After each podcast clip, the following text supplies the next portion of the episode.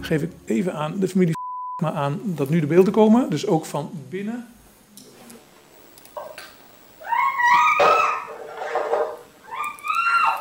Waarom pakt u dat wapen? Ja, ik hoorde die trap heel hard uh, gaan. Ik dacht misschien vier, vijf mensen komen naar beneden rennen. Hoorde iemand naar, naar beneden komen, oké? En dan zegt de politie, dan haalt hij ook de sleden over. Dat zegt de politie, dat zagen we net hier. Beeld je even in. Je hebt een overval gepleegd, 130.000 euro buitgemaakt en je wist voor de politie er was al te vluchten. Best goed geflikt, denk je dan toch. Tot er online en op tv beelden verschijnen van de overval, gemaakt door de beveiligingscamera die op de voordeur stond gericht. Dan blijkt dat je helemaal niet goed bent weggekomen. Sterker nog, in de rechtbank is voor iedereen tot in detail te zien en te horen hoe jij die overval hebt gepleegd. Mijn naam is Thomas Brouwer en je luistert naar De Zaak X. Een podcast van het AD in samenwerking met het podcastkantoor, waarin we wekelijks een spraakmakende rechtszaak bespreken. Met deze week de gewelddadige overval door nep Albert Heijn bezorgers.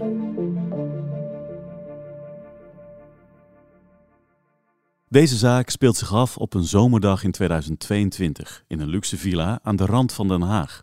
Op de oprit staan dure auto's, een zwarte Audi en een Mercedes. Er liggen lege dozen van Louis Vuitton bij de container en de woning is goed uitgerust met beveiligingscamera's.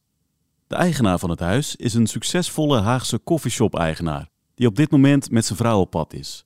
Zijn 19-jarige dochter Lisa en haar vriendje Pieter zijn wel thuis. Dit zijn niet de echte namen van dit jonge stel, maar we noemen ze zo in deze podcast vanwege privacyredenen. Het is half twaalf en Lisa loopt wat rond in huis terwijl Pieter nog lekker op bed ligt. Dan wordt er aangeklopt. Lisa verwacht vandaag bezoek en loopt naar de deur.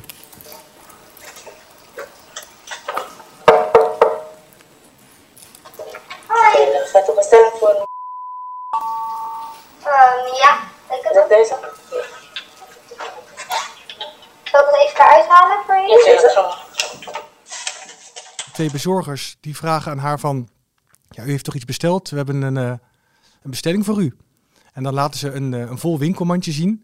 Daarin ligt een heel brood en eh, een groot pak melk. Je hoort de stem van verslaggever Michiel van Gruithuizen van AD Haagse Courant.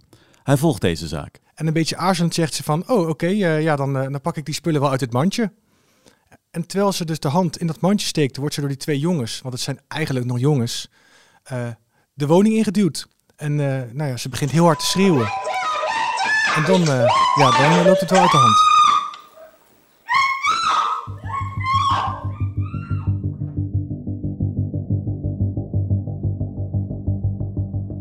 Eigenlijk eh, begint het verhaal in Amsterdam. Daar stappen vier mannen stappen in een auto, een Citroën C4. Eh, onder die vier dus de drie eh, verdachten en ook een vierde, de, de opdrachtgever der justitie. En vanaf daar rijden ze naar Den Haag. Maar aan het einde van de ochtend bellen twee jongens, begin 20, eh, aan bij die woning. Ze zijn gekleed in kleren van Albert Heijn. Wat het opvallende is, ze hebben ook spullen van de Hoogvliet aan. Dus het is echt een mix van, van twee bekende supermarkten. Ze kloppen aan op de deur. Ja, en wat je dan die beelden ziet, ja, dan slaat je schrik je echt om de oren.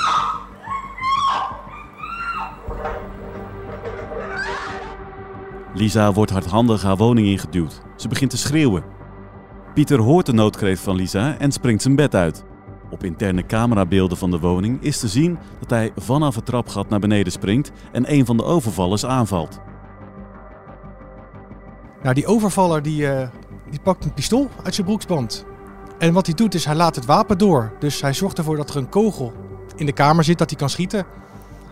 Eh, hij schiet niet. Er volgt wel een worsteling, worsteling buiten beeld. En eh, nou ja, Pieter, die krijgt een paar klappen op zijn hoofd met het wapen. Pieters hoofd ligt open van de klappen die hij met het pistool heeft gekregen. De officier van justitie vertelt hoe het verder gaat. waardoor het bloed eruit komt. En dan dringen ze naar binnen en eentje houdt zijn hand op haar mond. En er wordt gevraagd om geld en horloges. Ja, ze worden flink bedreigd. Ze worden eerst vastgebonden met een stuk touw en veters ehm, uit schoenen die in hun eigen woning staan. Dus gewoon met hun eigen spullen vastgebonden. Vervolgens moeten ze in de woonkamer op hun buik gaan liggen. En is er constant een van de drie overvallers, want er is later ook nog een derde bijgekomen, die ze onder schot houdt met dat wapen. En als erg overstuur is, wordt er gezegd dat als ze haar kankerbek niet houdt, dan gaan we verder. Dan gaan we ergere dingen doen. Als ze haar bek niet houdt, dan geef je me maar eentje. Hou je bek, anders ga ik je neuken. Pieter die wordt opgesloten in een voorraadkast in de keuken. En om te voorkomen dat hij eruit komt, wordt er nog een kast voorgeschoven zelfs. Ook wordt een wapen in haar rug gedrukt en vertelt dat ze de politie niet mocht bellen, anders zouden ze haar weer gaan opzoeken.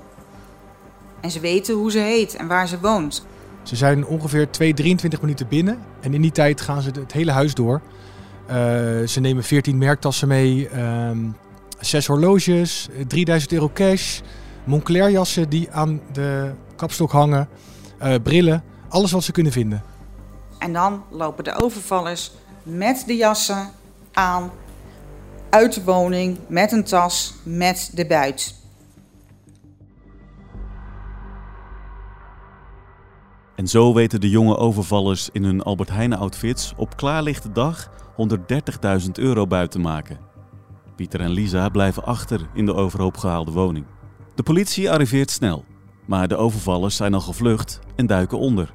Dan blijkt dat ze iets heel belangrijks zijn vergeten: de beveiligingscamera's. De woning hing er vol mee.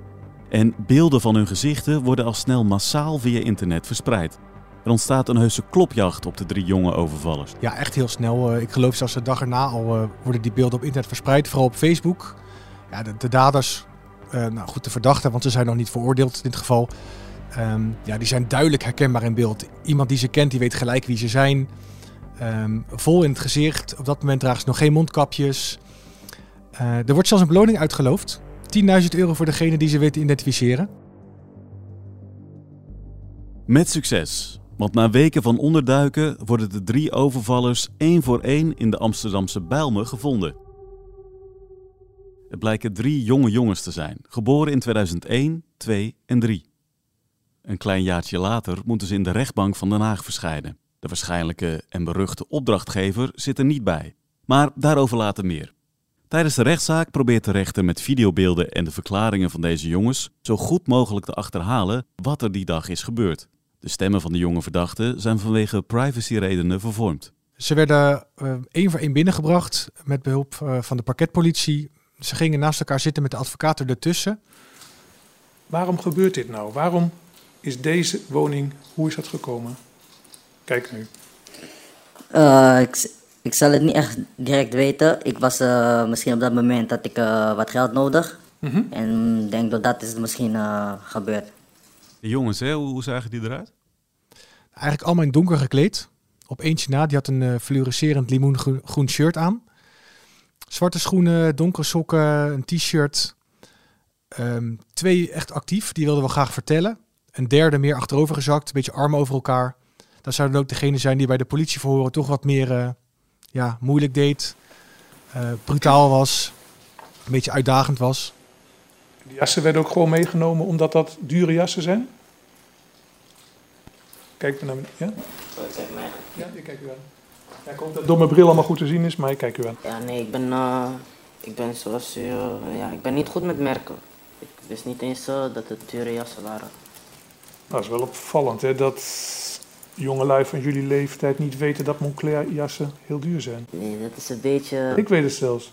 Dat is een beetje... Nee, nee, nee, nee, nee. Dat is een beetje een beeldschetsen. Dat is ja, totaal nee, ja, goed. Uh, zet het maar recht, mijn beeld, als ik het verkeerd heb, hoor. Nee, nee, nee. Nee, nee, nee. Niet elke jongere persoon hoeft te denken aan merk en zo. Nee, nee, nee. Drie jonge jongens, echt heel jong nog ook in hun gedrag.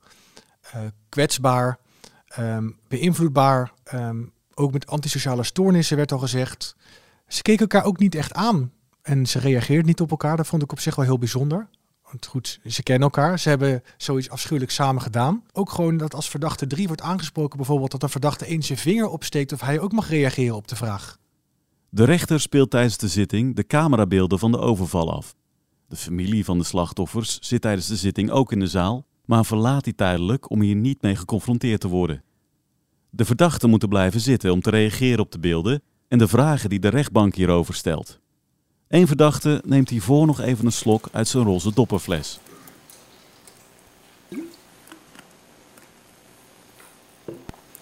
Nou, ga ik hem even proberen af en toe een paar seconden door. Het zijn mooie beelden, maar... Nou, dan kom je bij de woning aan.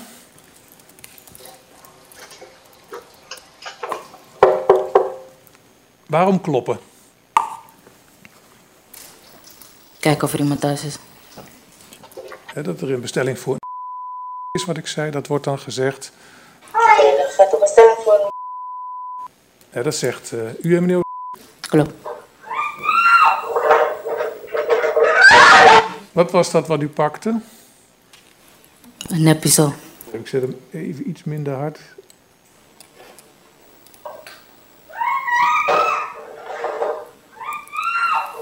Waarom pakt u dat wapen? Ja, ik hoorde die trap heel hard eh, gaan. Ik dacht misschien vier, vijf mensen komen naar beneden. Iemand naar, naar beneden komen, oké? En dan zegt de politie, dan haalt hij ook de slede over. Dat zegt de politie, dat zagen we net hier. Klopt dat? Ja, klopt. Kun je van nepwapens ook de slede overhalen? Wat, wat, wat voor wapen heb je dan? Mm, dat zou ik niet weten. Ik heb geen verstand van wapens. Ja, maar u doet het wel heel automatisch, lijkt u het te doen. Ja, dat kan je ook zien in films. Het was echt bijzonder. Ze willen ook niet over elkaar vertellen. Want goed, ze kennen elkaar. Ze hebben zoiets afschuwelijks samen gedaan. Wat gebeurde er nu buiten beeld? Want ik, ja, ik kan het niet zien. is in ieder geval geslagen, dat konden we net zien, denk ik. Ik zeg eerlijk, ik weet het even niet meer. hoor. Het was niet de eerste keer dat zij eh, met criminaliteit in aanraking zijn gekomen. Dat klopt, ja. En Zover ik weet niet in deze samenstelling, maar brandstichting, vuurwapenbezit, eh, roof. eh, ja, ze waren echt geen onbekenden voor de politie. Dan gaat u fetus uit schoenen halen. Wat is daar de bedoeling van? Ik eh, heb die mensen gewoon vastgebonden. Fetus uit de schoenen halen is om ze vast te binden. Oké, nee, want dat is natuurlijk... En, en, en zijn ze ook daarmee vastgebonden? Ja, maar niet heel strak. Nou, we hebben medische informatie over... Want we hebben natuurlijk een foto van in het dossier gezien... waar hij ergens op zijn hoofd eh, een beschadiging had. Met veel bloed hebben we gezien. Hij zal waarschijnlijk altijd een blijvend litteken op zijn voorhoofd hebben. Wat vindt u daarvan? Ja, ik vind het wel jammer. Want dat is wel wat mensen over het algemeen heel vervelend vinden. Want altijd als je ergens komt, het eerste waar ze naar kijken is het litteken. Klopt dat? Ja, ja ze, ze zeggen, eh, het is echt lelijk, ja. Wat vindt u daarvan? Ja, ik vind het eh, heel jammer dat het zo is gegaan en daarom eh, mijn excuses ook daarvoor. Oké. Even, sorry. Dat is niet zo best, ja. Nou, ze hebben alle drie spijt betuigd. Ook voor de lelijke verminking van het hoofd van Pieter. Op zijn voorhoofd, hè, vanwege die klap met dat vuurwapen. Ja, goed. eh, in hun uitstraling leek er weinig brouw te zitten. Maar goed, ja, eh, dat zegt natuurlijk ook niet alles. Het kan eh, van binnen wel, wel zo zijn. 130.000 euro bijna is te verdwenen, zegt de aangever. Waar is het allemaal gebleven? Ik zal het niet weten, want eh na, na, nadat heb ik niks meer van, eh, van, alles vernomen. Ik, ik weet niet waar alles is nu. Nou, liet ik net al een beetje blijken dat ik denk van ja, sommige dingen wat ik allemaal zie en lees en hoor, ja, vind ik het een beetje een domme actie, hoe het allemaal gaat. Maar als je dan een woningoverval pleegt en er wordt zoveel aan waarde uit een woning gehaald en vervolgens heb je er niks aan overgehouden, ja, misschien een jas geloof ik, iemand mag een jas houden, dan doe je het toch niet zo heel handig of wel, als overvallen. Klopt. Ja, want jullie zitten nu hier, in ieder geval de opdrachtgever, nou, die komt misschien nog een keer hier, maar die zit hier niet. Je hebt er niks aan overgehouden bijna. Dat is toch raar? Want wat was er nou verteld dat je ervan zou krijgen? Is niet besproken. Ik bedoel het niet vervelend hoor. Maar dan denk je, ja, jij moet een over- woningoverval gaan doen. Jij loopt het risico en dan ga je van tevoren niet bespreken wat je ervoor gaat krijgen. Klopt. Klopt, ik schaam me ook ervoor. Vind je jezelf dan niet een beetje dom als je dit zo doet dan? Zeker. Op deze manier? Ik kan niet op alles antwoord geven, is voor mijn eigen veiligheid.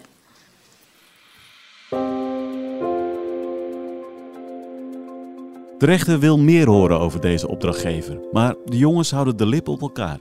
Ze willen niets kwijt over deze vierde man en zijn betrokkenheid bij de woningoverval. Hij zou de jongens hebben verteld naar welke woning ze zouden moeten gaan. Er zou niemand thuis zijn, maar toch moesten de jongens de Albert Heijn outfit aantrekken die hij ze gaf. En deze vierde man, die niet in de rechtszaal zit, is een bekende van justitie. Eh, het is een man, eh, een grote vis zeggen ze ook bij politie en bij het OM, die ieder geval voor een andere zaak vastzit. Eh, en hij gaat voor deze zaak ook nog vervolgd worden, denken ze. Nou, die andere zaak waarvoor hij vastzit, die is misschien nog wel veel groter. Dat gaat om een valse bommelding op een groot containerschip voor de kust van Vlissingen. Dat is een, groot schip, dat was onderweg van Senegal naar Antwerpen. Op een gegeven moment wordt er naar de Belgische autoriteiten gebeld. Er ligt een bom in dat schip en als jullie niet eh, stoppen, als jullie dat schip niet stoppen, dan gaat die af. Nou, dan gaan natuurlijk alle, alarmbellen af. Het schip gaat aan, eh, aan de ketting, ligt een week stil, wordt compleet doorzocht, maar er wordt niks gevonden. Dus dat schip mag zijn weg vervolgen, komt uiteindelijk in Antwerpen aan. Gaan ze nog een keer zoeken. En wat vonden ze toen? 2400 kilo cocaïne ter waarde van 120 miljoen euro. In een lading cacao. De rechter weet ook meer van deze grote vis af en legt zijn naam voor bij de jongens. Zegt die naam jullie iets? Nee. Nee. Want dat is volgens mij, dan ga ik met een schuin oog naar de officier kijken, eh, de persoon die daarachter zou kunnen zitten die het geregeld zou kunnen hebben. Of is dat een hele... Dat zou zeker kunnen. En de politie doet dat, of de officier doet het natuurlijk niet zomaar, want ook naar zijn telefoon is gekeken. En de politie gaat ervan uit dat jullie met z'n vieren van Amsterdam naar Den Haag zijn gegaan. Jullie, jullie en. Dat is wat ik heb. En jullie spreken allemaal over iemand die dit bedacht heeft. Maar daar willen jullie niks over zeggen.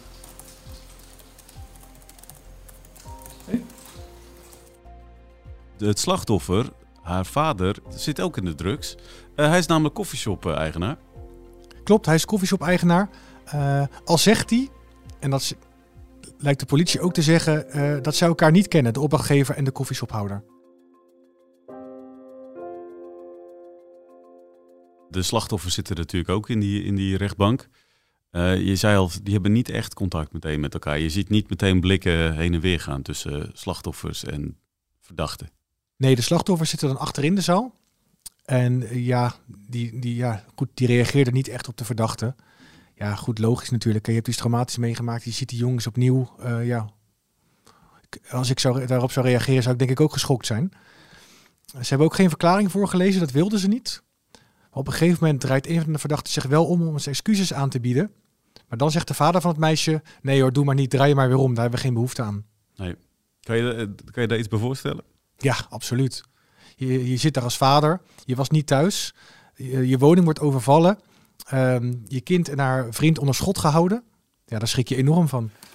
Ja, jongens, we zijn bijna aan het eind. Is er nog iets? Ik ga het rijtje gewoon af. Wat je nog wil zeggen?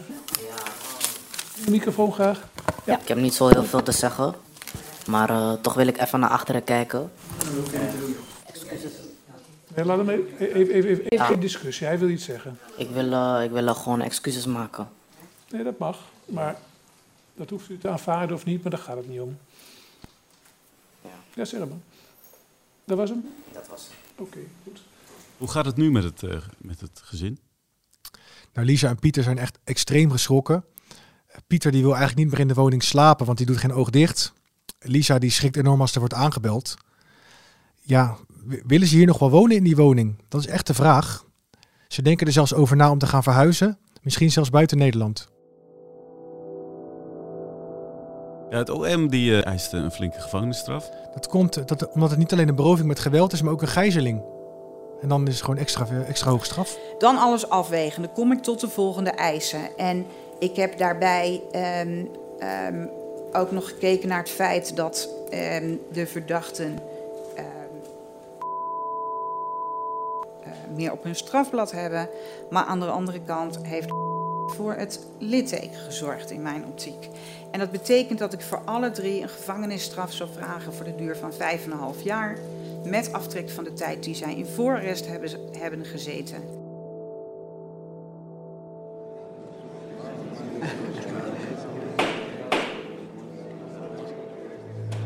Twee weken later doet de rechtbank uitspraak in deze zaak. En daarin maakt de rechter korte metten met het pleidooi van de advocaat. Die had om strafvermindering gevraagd vanwege de beelden van de jongens die op social media rondgaan. Maar de rechter oordeelt dat je als crimineel tegenwoordig mag verwachten dat er beelden online gedeeld worden. Wil je dat niet, dan moet je geen strafbare feiten plegen. De drie jongens draaien 5,5 jaar de cel in voor een gewelddadige overval die uitdraaide op een gijzeling. Deze straf is net zo hoog als de officier van justitie eiste. De 130.000 euro die buiten is gemaakt, heeft de familie teruggekregen van de verzekering. Met welk gevoel liep jij nou uit die rechtbank? Eh, medelijden, allereerst. Met de slachtoffers, maar eigenlijk ook met de verdachten.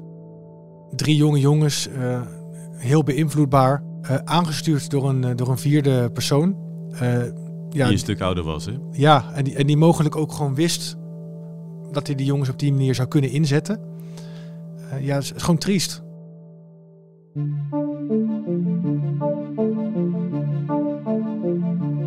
De Zaak X is een wekelijkse podcast van het AD. En deze aflevering werd gepresenteerd door mij, Thomas Brouwer.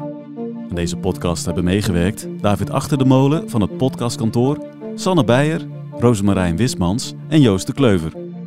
Als je meer details wil lezen over deze zaak, kijk dan op ad.nl slash dezaakx. Vond je dit een goed verhaal? Laat dan vooral even een review achter, zodat we beter vindbaar worden voor nieuwe luisteraars. En wil je ook de volgende aflevering niet missen? Abonneer je dan op dit kanaal.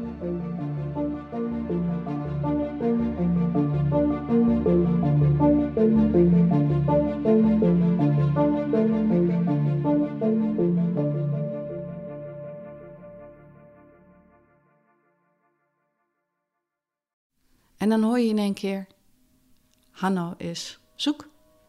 Maar je kan niet nergens zijn. Niet levend of dood. Is die vrijwillig weggegaan? Is die gedwongen? Of, of, of wat ook maar. Zou die gewoon ontvoerd zijn? Mijn naam is Iris van den Boom. En samen met Ditya Kabba ga ik op zoek naar wat er is gebeurd met Hanno.